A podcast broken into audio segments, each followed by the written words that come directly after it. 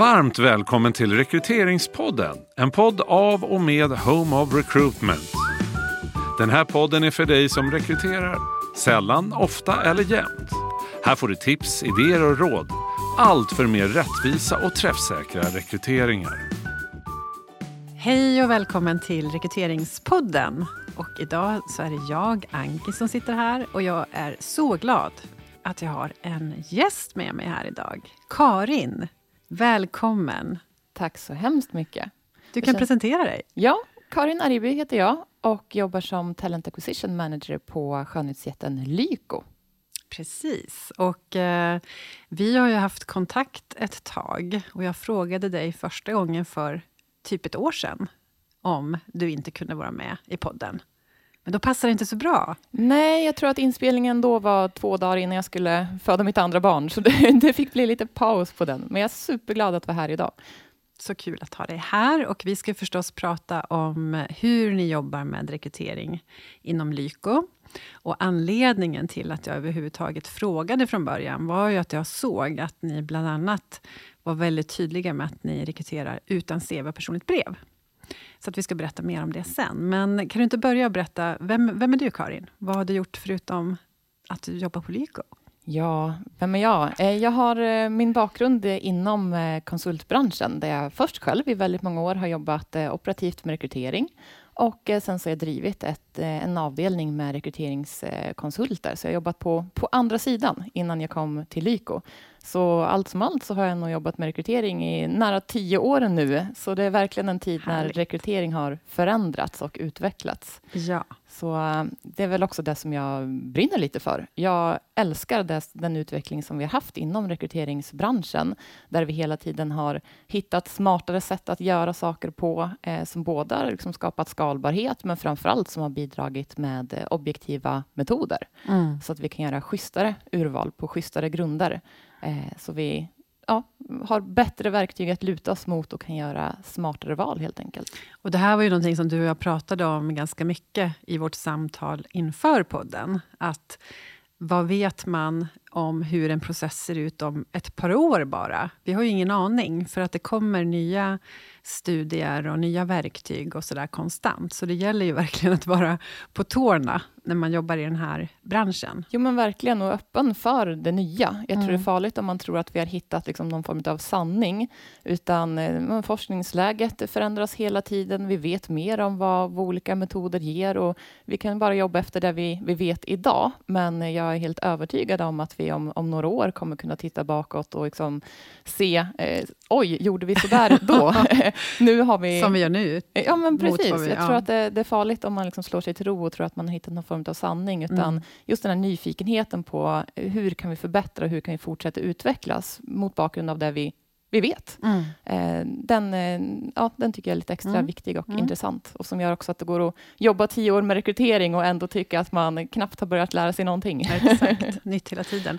Men du, bara för att dra in allt det här, då. Lyko, ja. berätta. Vad, vad, vad gör Lyko för någonting? Jag sa ju det, jag beställde lite produkter igår kväll från Lyko. Ja, men, men det är berätta. härligt att höra. eh, men, eh, det som de flesta tänker på är nog vår e-handel. Vi har över 55 000 olika produkter eh, och eh, har en stor del av vår försäljning online. Och framförallt har det fått en jätteskjuts i och med liksom, pandemin. Mm. Eh, sen har vi också väldigt många butiker runt omkring i Sverige, egentligen täckning i, i hela landet och också eh, ett par butiker i Norge. Mm. Eh, och på, på frammarsch. Så vi tror verkligen på kombinationen mellan fysiska butiker och e-handel och att de där hjälper varandra. Att de mm. eh, har olika liksom, fördelar. Man kan möta kund på ett annat sätt i butik eh, medan eh, online kan ha ett större sortiment. Så vi, vi är noga med att inte särskilja dem utan verkligen se symbiosen mm. mellan dem. Eh, och hur så. länge har Lyko funnits? Eh, det är en bra fråga. Lyko har liksom funnits eh, fröet till Lyko. Eh, jag måste nästan liksom berätta lite storyn bakom ja. Lyko, för den är så häftig och en så stor del av vår liksom, företagssjäl idag. Eh, det började faktiskt redan efter, eh, efter andra världskriget, så kom Frans Lyko till Sverige efter att ha suttit i koncentrationsläger i Polen. Och han var frisör och överlevde mycket tack vare att han just var frisör och på så sätt liksom kunde vara till nytta, eller vad man ska säga. Ehm, efter kriget så kom han till Sverige, till eh, Dala-Järna utanför Vansbro eh, och drev frisörsalong där. Eh, han fick barn, Stefan Lyko, ehm, som finns kvar i bolaget än idag. Han och hans fru Rita drev frisörsalong och fick två barn, Rickard Lyko som idag är VD. Just eh, så någonstans när Rickard Lyko hade pluggat klart, pluggat ekonomi och eh, en, ja, stora finanskrisen slog till, så um, bestämde han sig för att e-handel ska vi liksom, satsa på. Så han fick hela familjen att belåna sig upp över öronen, ta lån på hus och allting och satsade hundraprocentigt på att gå från en liten frisörsalong som eh Stefan och, och Rita hade då till att börja bygga upp en e-handel. Och hade väl någonstans där liksom ett, ett frö. Eh, Stefan Lyk hade tagit in något vax som var väldigt eftertraktat i Sverige och eh, det började komma in beställningar från, från Sverige och de liksom stod och packade i, eh, i lunchrummet där på frisörsalongen och hemma i, i huset och tog liksom det som fanns. Eh, Eh, frimärkena på närmsta eh, matbutik tog slut för att det började bli så många ordrar. Så uh, där någonstans i det lilla, i det familjenära, eh, så började liksom grodden till en e-handel växa fram. Så Rickard tog över som VD och började satsa fullt ut på e-handeln 2008. Så där någonstans tog väl den riktiga e-handelsresan fart, kan mm, man väl mm, säga. Mm. Och hur många anställda är man idag? Eh, någonstans 750 medarbetare. Vi har ganska många medarbetare på vårt lager som än idag är i Vansbro, i, där hjärtat av vår verksamhet är och där det en gång startade. Eh, och så har vi ganska många butiksmedarbetare också. Mm. Så någonstans där runt 750 medarbetare är vi idag. Mm. Och den stora majoriteten är butik eller lager? Ja, mm. det skulle jag säga. Mm. Och eh, kan du berätta då, när, för när började du på Lyko? Jag började på Lyko för nästan exakt två år sedan. Ja. Och vad var läget då? Då Just när det kommer läget, till rekrytering och sådär, Ja, men precis. Eh, då hade vi eh, egentligen ingen rekryteringsfunktion alls, utan vi hade HR Business Partners som ibland hjälpte till lite med rekrytering, men annars så mm, tog vi in rekryteringshjälp när vi skulle tillsätta eh, tjänstemannatjänster och så där. Så vi var då ganska, det, även om det bara är två år sedan, så var då, då var vi ganska tidiga med att ta in en intern rekryteringsfunktion. Mm. Så jag med, med mitt utvecklingsfokus och som gillar att eh, förändra och göra nytt, jag hade någonstans där en förhoppning om och jag hade fått eh, insålt, jag hade en bild av att men förändring och förflyttning, det kan nog gå ganska så fort på Lyko.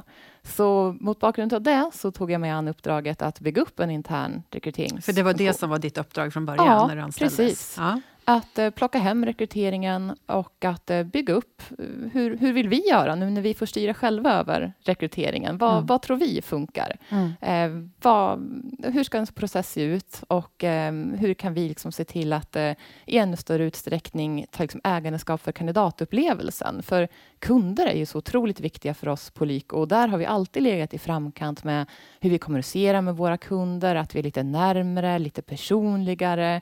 vi är inte liksom liksom stelbenta och korrekta, utan vi använder smileys i kommunikation med våra kunder och vi men, slår an till det som är liksom personligt och här och nu.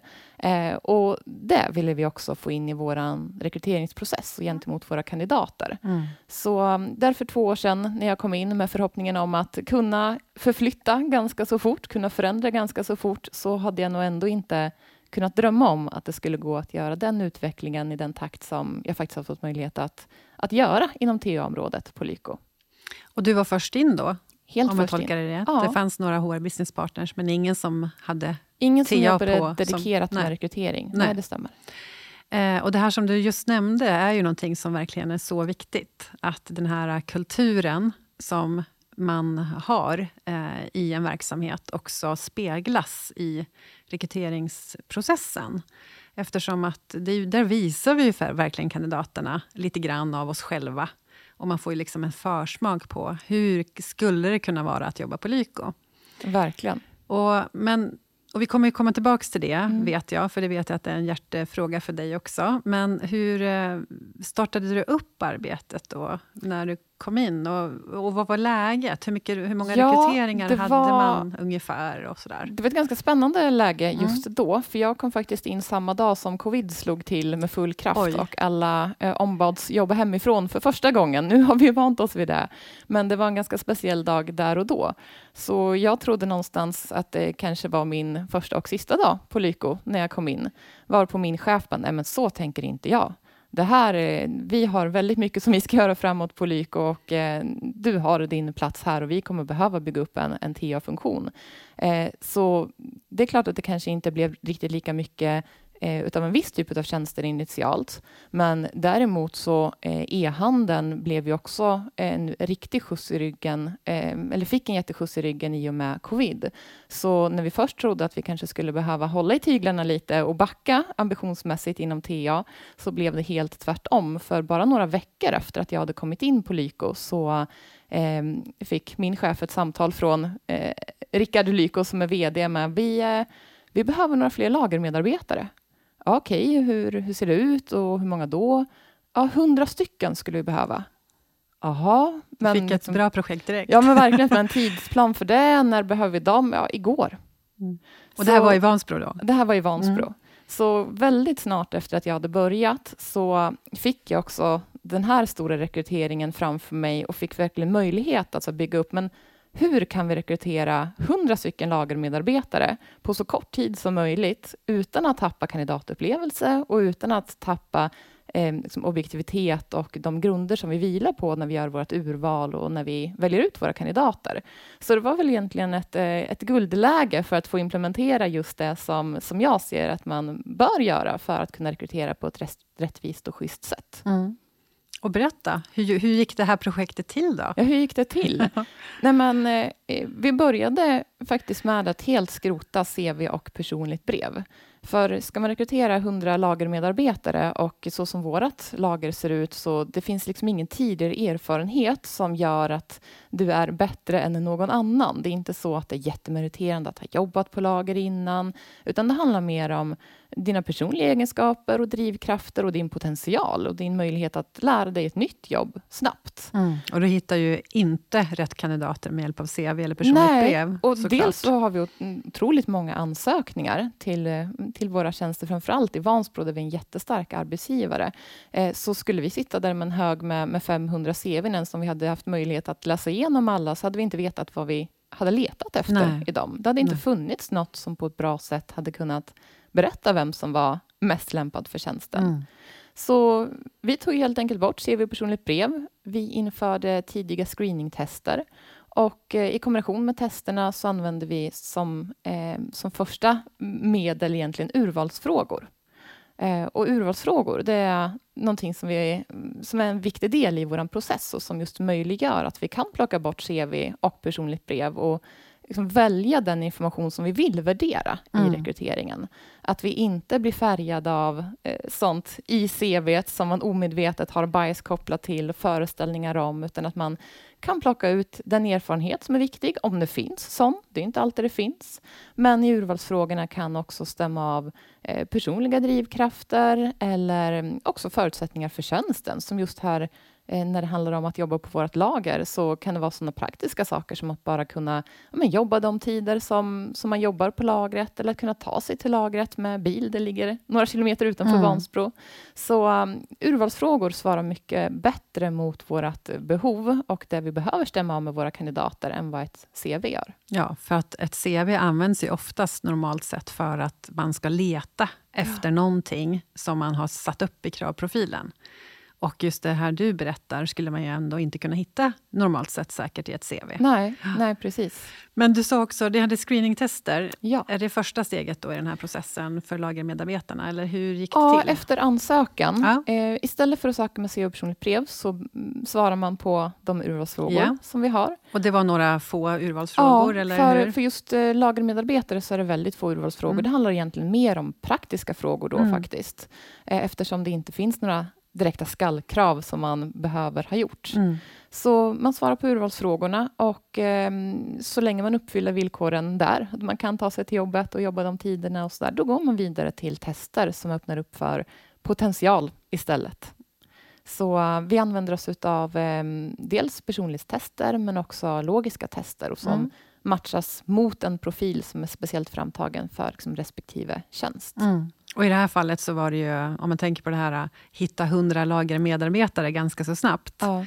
så hade ni då en var en personlighetsprofil som ni tyckte matchade Precis. rollen väl. Då. Ja. ja. Och eh, på det logiska testet mm. så, så hade vi också en liksom viss nivå, för mm. man behöver komma in och lära sig nya mm. arbetsuppgifter ganska så fort. Eh, vi har ett eh, relativt nytt lager med eh, ganska hög automationsgrad och det är um, flöden som man liksom behöver förstå och se sin del i, i det hela. Så um, personlighetstest i kombination med eh, logiska tester. Mm. Och nästa steg då, vad var det? Eh, blir det då en intervju? Eller hur? Ja, eh, för just lagermedarbetare så är det en ganska så slimmad process där vi lägger, lägger stort fokus i just början för att göra ett så schysst urval som möjligt och göra rätt, göra rätt från början ja. helt enkelt. Eh, och så länge man uppfyller de kraven och har relativt bra på testerna så eh, går man vidare till, vi har främst hållit, nu har det här varit under covid-tider och så, så det har blivit ganska mycket digitalt, digitala mm. intervjuer. Eh, så faktiskt det här stora projektet med 100 lagermedarbetare som skulle vara på plats helst igår. Jag tror att vi lyckades rekrytera drygt 100 medarbetare på mellan fyra och fem veckor. Oj. Ja. Men då var du inte själv misstänker jag? Helt Nej, jag hade en, en resurs till, ja. till min hjälp. Men eh, med den skalbarhet som vi har skapat i våra processer, vi tog även in eh, digitala eh, verktyg för referenstagning, mm. så vi kunde slimma processen väldigt mycket utan att tappa, eh, tappa kvalitet och utan att tappa objektivitet. Eh, så ja, det frigjorde mycket tid med de möjligheter vi hade med både tidiga screeningtester och sen digital referenstagning. Mm. Ja, för det här går ju väldigt eh, smidigt så tillvida att det är ingen tid som behöver läggas på de här delarna när processen väl är igång. Precis. Och ni fick in tillräckligt med ansökningar också? Det fick vi. Ja. Vi är tack och lov en väldigt stark arbetsgivare i Vansbro-trakten. Eh, det var ju där allting en gång startade och vi har varit duktiga på att, eh, att hålla i och att vara en, en schysst arbetsgivare och som jag tror framför allt också den bild vi sänder ut av vilka vi är som bolag, vad vi står för, vad vi har för värderingar, med liksom enkelhet och mod, att det är en schysst och tillåtande kultur, att man vågar göra fel. Det är ingen som, som blir straffad, utan vi ser det som en möjlighet att liksom lära och göra bättre istället.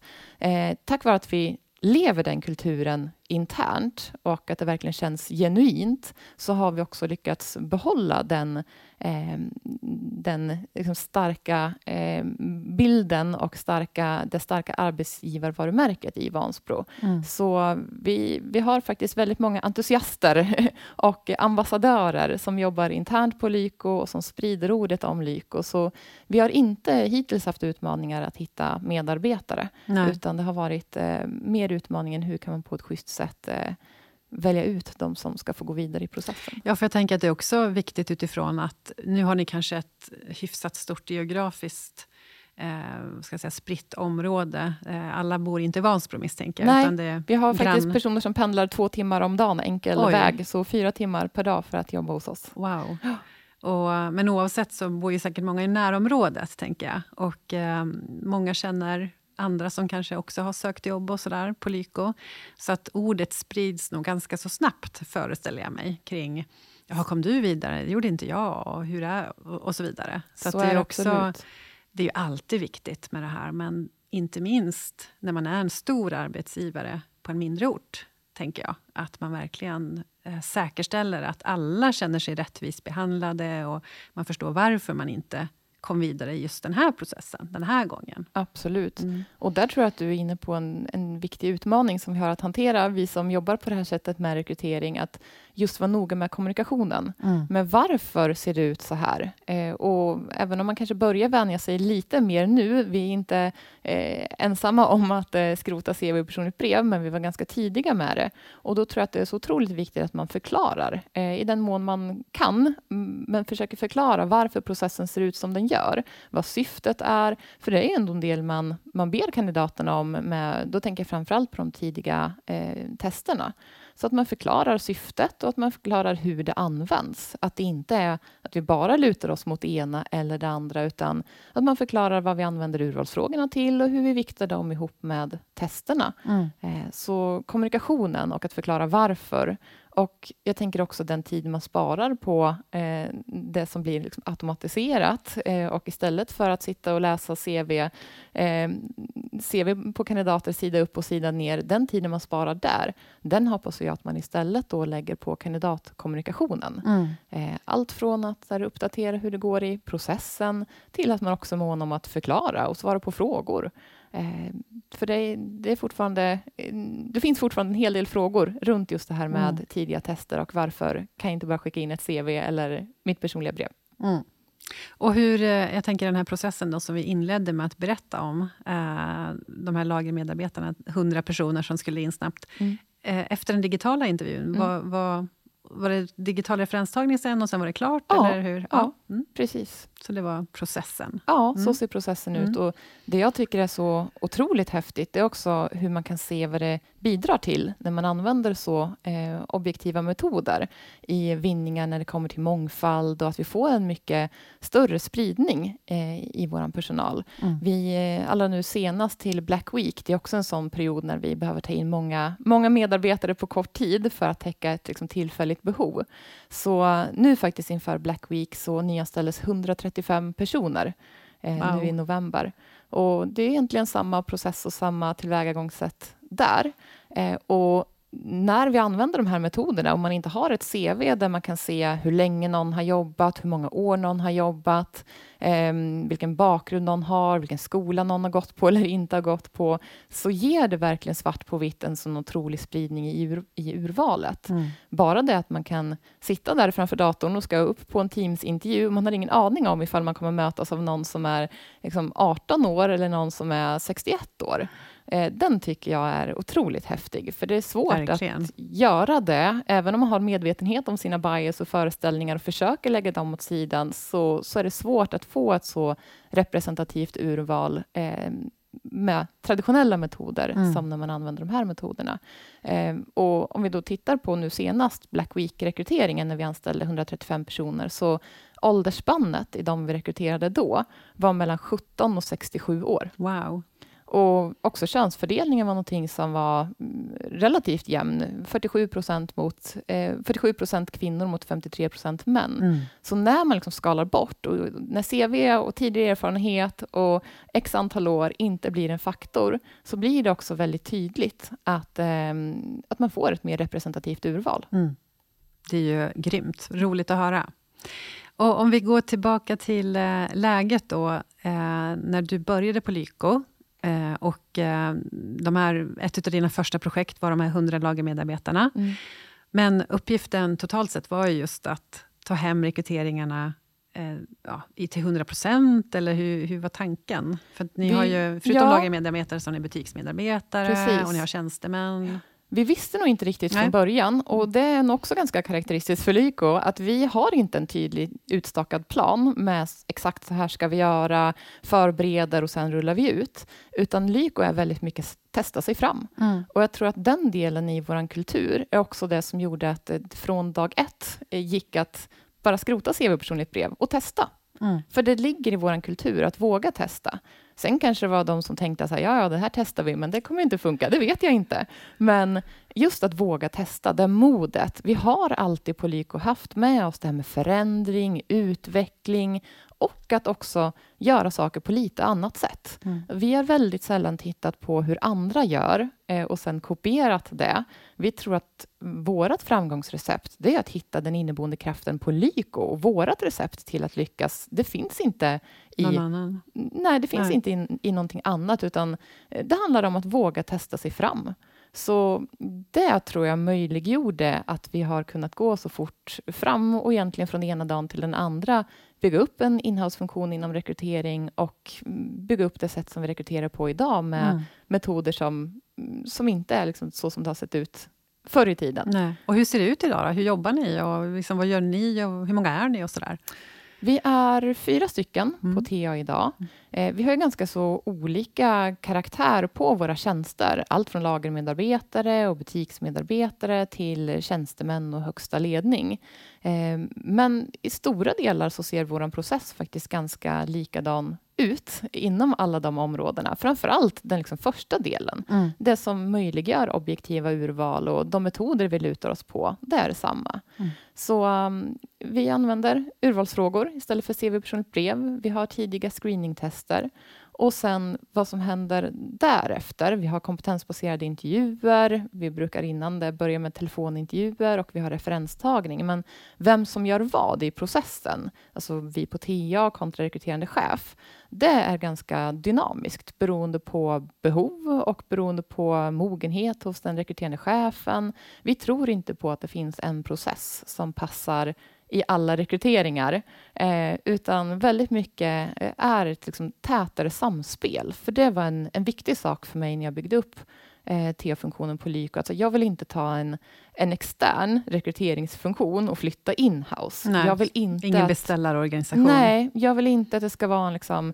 eh, beställar-leverantörsfunktion, en liksom supportfunktion som lyssnar in ett behov och sen serverar tre stycken slutkandidater, utan den stora poängen med att ha rekrytering internt tycker jag är just att man har möjlighet att jobba närmare varandra. Mm. Eh, så det försöker vi lägga ganska stort fokus på på Lyko, att utmana våra chefer. Inte vara en servicefunktion som lyssnar in och bara tar emot en beställning och levererar på den, utan vi ska vara jättejobbiga. Vi ska utmana, vi ska ställa frågor, vi ska vrida och vända, vi ska koppla ihop behov som vi vet finns på en avdelning med ett behov som vi vet finns på en annan avdelning och liksom utmana. Men finns det synergier i det här? Ska rollen se ut på det här sättet? Kommer inte den här funktionen snarare glida över och ligga på en annan funktion i framtiden? Vad bör vi ha med oss för att vi ska kunna hamna rätt? Mm. Och för att kunna göra det så behöver ju ni då inom TA ligga väldigt nära organisationen hela tiden och förstå affären och förstå vad som händer och så vidare. Hur, hur säkerställer ni det? I vardagen? jag så. tror att det finns eh, flera svar på den frågan. En sak är att vi är en otroligt platt organisation där kunskap delges egentligen alla medarbetare.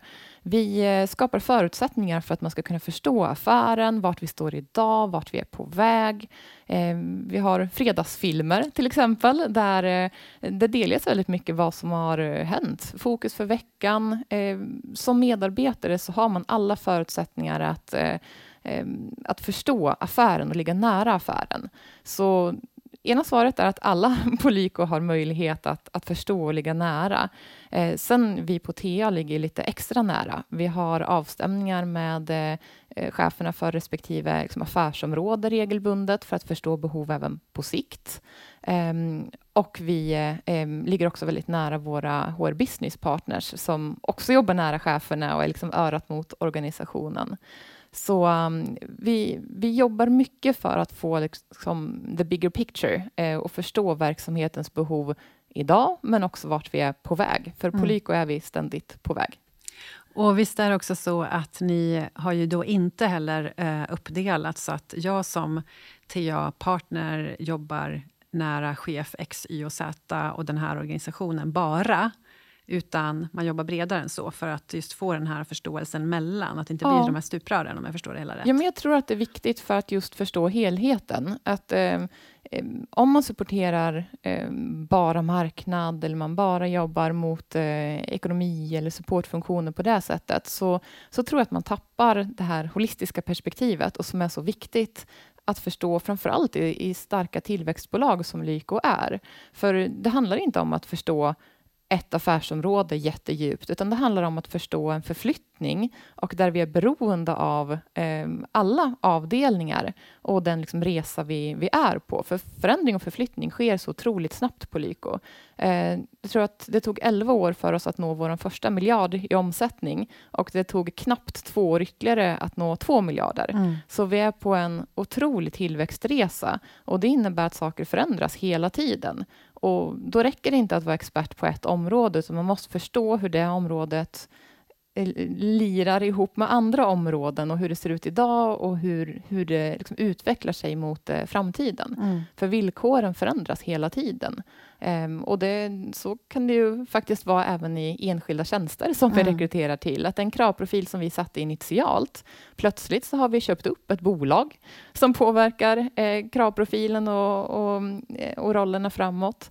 Um, eller så har det helt enkelt hunnit hända andra saker internt som gör att vi behöver hela tiden vara vakna för att skruva om. Mm. Och där måste vi på TA vara först på den bollen också.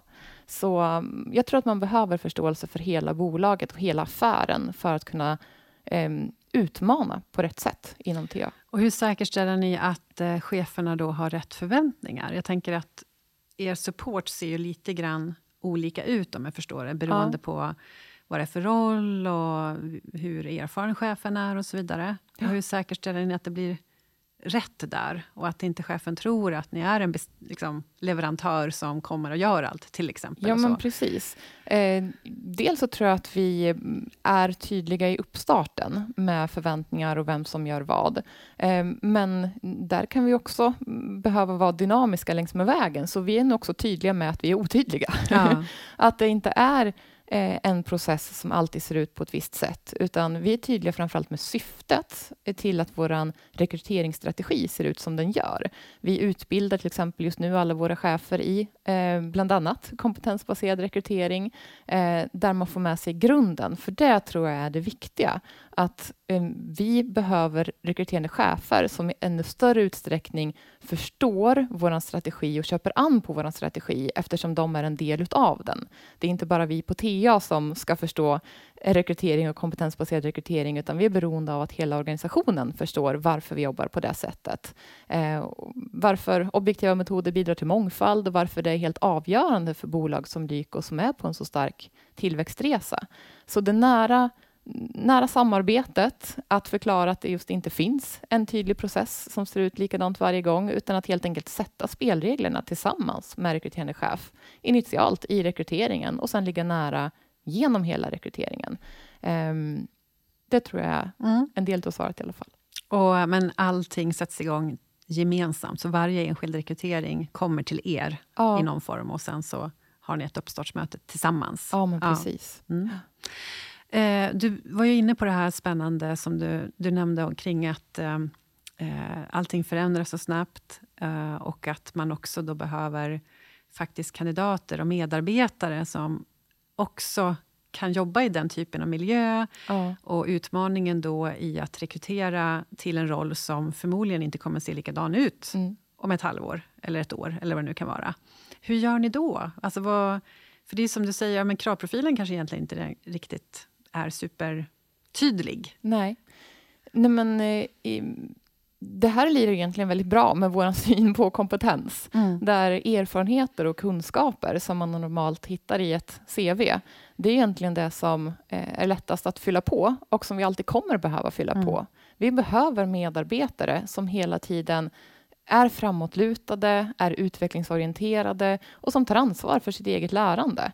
Så vad man har gjort, i hur många år man har gjort det, på vilket bolag man har gjort det, om det är en liknande verksamhet eller inte, det är egentligen de parametrar som spelar minst roll för mm. oss på Lyko. För det finns inte riktigt något jämförbart. Vilken erfarenhet du än har med dig in, så är vi mer måna om att du hittar hur du kan omvandla dem till ett beteende som är framgångsrikt på Lyko. Så eh, potential att lyfta det i rekryteringsprocessen eh, istället för att stirra sig blind på erfarenhet, det är egentligen väldigt i linje med hela Lykos syn på, på vad som gör att man är framgångsrik i, liksom i arbetet. Mm. Så um, fånga upp potential och också under intervjuer fokusera mycket på att förklara vår kultur på Lyko.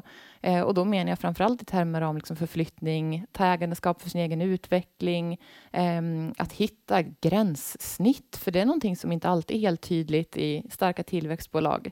Så individer som tar ansvar för sitt eget lärande, som har ett liksom, growth mindset, eh, det är nog nummer ett för oss på Lyko, att, att hitta och att liksom, utvärdera genom rekryteringsprocessen.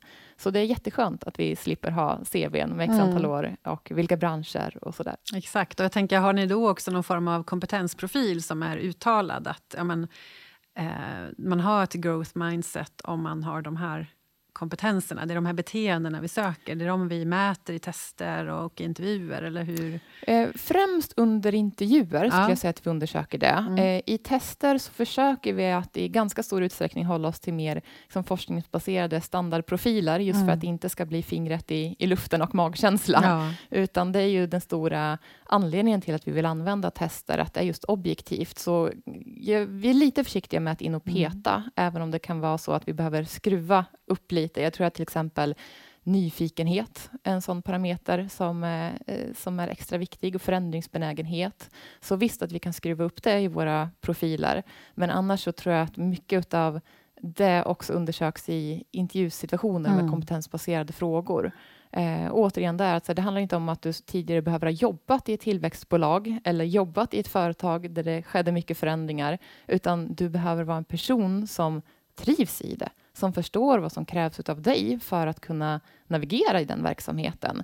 Och framförallt vad det innebär i att ja, men behöva hela tiden ta till sig ny kunskap och hitta nya lösningar på nya problem och inte använda liksom, gamla lösningar på nya problem. Mm. Och om du skulle ge tips då till de som sitter i den situationen nu kanske, för den här äh, utvecklingen har ju skett väldigt snabbt de senaste åren det här som vi har pratat om länge och som du önskade göra också, att faktiskt jobba in-house. Det är många verksamheter nu som har tagit hem rekryteringarna, precis som Lyko då gjorde för ett par år sedan. Mm. Och om man sitter i liknande situation och har liksom precis kommit in i en ny verksamhet och ska starta upp det här, mm. vad vill du ge för tips till en sån person? Spännande fråga. Jag tror att eh, ett av tipsen är att eh, våga prova att eh, köra en pilot. Man behöver ju inte bestämma sig. Har man svårt att få med organisationen på att permanent till exempel ta bort CV och personligt brev, våga prova. Eh, testa er fram och se hur det landar. Det kanske är lättare att eh, eh vinna över skeptiker på det sättet. Eh, så våga. Eh, och ehm, jag tror också att eh, man behöver fokusera på att göra det till eh, sin egen, alltså vad fungerar för oss? Hur kan vi ta, hur ser vår affär ut och hur som för oss är ju kunder det som vi förut har varit vana att kommunicera med och vi kommunicerar med kunder på det här lättsamma sättet.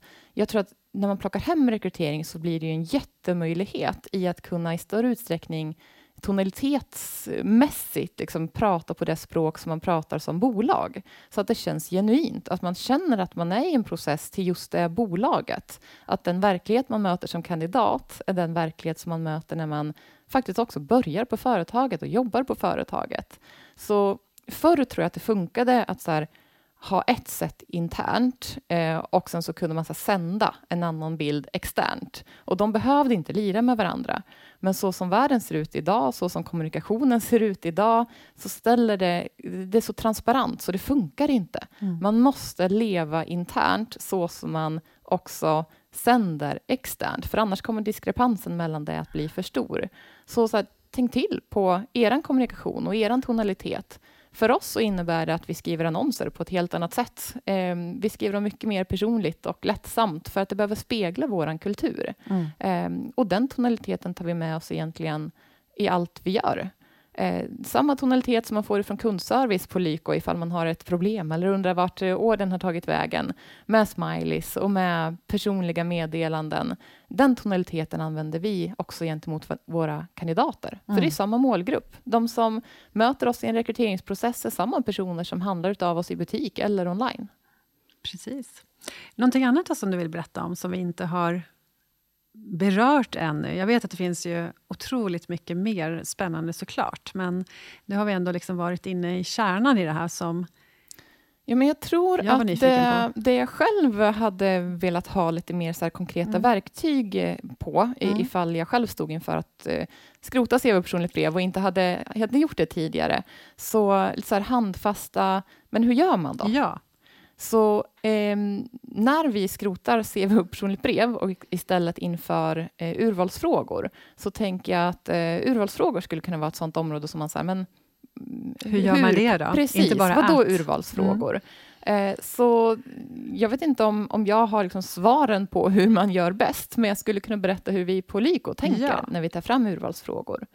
Och då har vi egentligen frågor med olika karaktär. Mm. Och Det här kan såklart skilja från, från tjänst till tjänst. Vissa tjänster så finns det till exempel inga skallkrav. Eh, egentligen inga skallkrav, som lagermedarbetarna var ett exempel på det. Men eh, för andra tjänster, eh, vi säger tjänstemannatjänster, där skulle jag säga att det egentligen är eh, tre olika typer av frågor som vi ställer. Eh, den första typen av frågor handlar om liksom skallkrav och fokus på readiness, alltså vad man har gjort tidigare. För eh, även om potential eh, är det som vi vill lägga störst vikt vid i en rekrytering, så för vissa tjänster så behöver man ju ändå en viss del readiness med sig in. Så första delen av frågor handlar om liksom erfarenhet med sig in. Eh, det kan vara, mm, har du varit ledare med personalansvar tidigare eller så, ganska raka ja eller nej-frågor. Eh, och vi kan faktiskt också koppla dem till en automatisk screening där vi ger poäng baserat på hur man har svarat på frågorna. Mm. Eh, sen i, i, min början eh, när jag införde urvalsfrågor och började laborera med det och det var långt innan jag började på Lyko så upplevde jag ibland att det var svårt att få liksom, riktigt ärliga svar. Många tänkte kanske att ah, men svarar, jag, svarar jag bara ja här så får jag komma vidare och få visa min förträfflighet. Så det vi eh, gör där är att följa upp den typen av frågor med en mer berätta hur. Mm. Eh, så att man får med sig både det liksom kvantitativa och det kvalitativa i, i skallkravsfrågorna. Inte bara ja, det har jag gjort, utan jag ska också berätta lite grann ja. hur stor grupp av medarbetare jag haft, hur länge var det och, och så vidare. Exakt mm. så. Och där är jag inte intresserad av exakt på vilket bolag eller Nej. hur såg det bolaget ut, utan jag är intresserad av sammanhanget och kanske framförallt vad du tar med dig ifrån det. Um, den andra typen av frågor som vi brukar ställa um, redan i urvalssammanhang är faktiskt mer liknande intervjufrågor och då kompetensbaserade frågor. Uh, det gäller framförallt för våra tjänstemannatjänster, uh, men där man får ge exempel mm. på hur man har, vad man har mött för utmaningar, hur man har hanterat dem och vad resultatet blev. Så att man redan i intervju eller redan i urvalsfrågorna. urvalsfrågorna kan fånga upp det som man annars bara kan fånga upp under intervju. Så det blir nästan som någon form av mini-intervju redan där. Att fler kandidater får möjlighet att visa upp sig mer vilka de är och där vi vet spelar faktiskt roll, alltså hur man har agerat tidigare och inte bara att man har en viss erfarenhet på papper. Och egentligen den sista typen av frågor eh, som vi brukar ställa, det är mer för att stämma av det praktiska. För, för vissa tjänster kan ju det vara också det viktiga, som jag nämnde med lagermedarbetare. Kan du ta dig till jobbet? Kan du jobba de här tiderna? Eh, ibland kan det vara ett visst startdatum. Och sen faktiskt en lite kanske kontroversiell fråga. Vi brukar alltid stämma av redan där i urvalsfrågorna förväntningar lönemässigt. Mm. Är ni transparenta då också kring vissa tjänster, kring ja, lönespannet ligger här, kan du tänka dig det? Eller är det ehm, tvärtom? Att man vi får... har faktiskt eh, hittills vänt på det, mm. alltså så att mm. vi frågar kandidaten för att också ge oss själva möjlighet att märka att men, oj, våra, så som vi hade värderat rollen, det verkar ligga fel. Mm. Eh, men vår tanke med att ställa den frågan till kandidater redan i urvalssammanhang, det är att det inte ska vara upp till oss att göra en Eh, gissning eller en bedömning där vi lätt annars skulle kunna tänka att den här kandidaten, den har så mycket erfarenhet eller har eh, haft den här rollen tidigare, så den är nog överkvalificerad. Den kommer vi inte kunna möta lönemässigt. Det kanske är så, men istället för att göra de antagandena så vill vi hellre ge möjlighet för kandidaten att säga, nej men det var inte så. Eller den eh, förstår att den ligger högre lönemässigt idag, men den kan tänka sig att kliva ner för att det är just det här den vill göra. Så återigen att så här, minska bias och föreställningar och istället vara öppen med den frågan. Eh, och just nu så upplever jag att vi står i en verklighet där en sån sak där det har förflyttat sig väldigt mycket är just lönemässigt på mm. många tjänster. Eh, det har gått en verklig löneinflation mm. i vissa roller och där blir det också viktigt för oss att fånga upp tidigt i processen att men, hjälp, vi ligger ju helt fel. Vi har mm. tänkt tokigt här. Alla kandidater som söker och som är relevanta för oss ligger mycket högre lönemässigt än vad vi har tänkt oss. Ja, men då får vi längre sträcka på oss att kalibrera det också internt.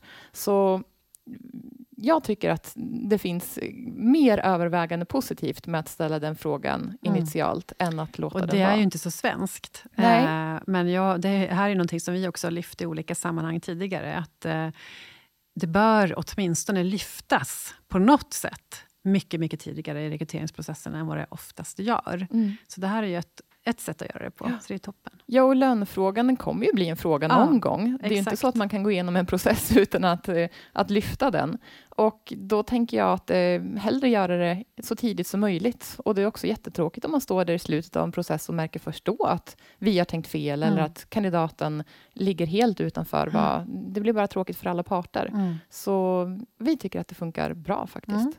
Toppen. Bra. Men eh, då tror jag att det börjar bli dags att runda av. Har du några avslutande ord som du vill skicka med oss kring eh, det här med CV-lös rekrytering och sådär? Eller? Du bara poppar ut en fråga här som inte är så schysst. Uh, eller kring rekrytering i allmänhet, bara. Nej, men jag tror att eh, man behöver försöka hitta de små stegen mm. eh, och att våga göra. Mm. Och sen kanske det är lätt för mig som jobbar på Lyko, som är en väldigt tillåtande verksamhet, där man får göra och där man tillåts testa sig fram. Men eh, om man börjar i liten skala eller kör en pilot, så kanske man ändå kan få möjlighet att, eh, mm. att starta där och sen växa det. Eh, så mod skulle jag vilja ingjuta där ute. Små steg, prova och eh, var modig. Ja. Mm. Toppen. Tack snälla Karin för att du kom hit. Tack så hemskt mycket. Du har hört en podd av Home of Recruitment. Om du vill komma i kontakt med oss, skicka ett mejl till info at homeofrecruitment.se. Podden är producerad av Septemberfilm.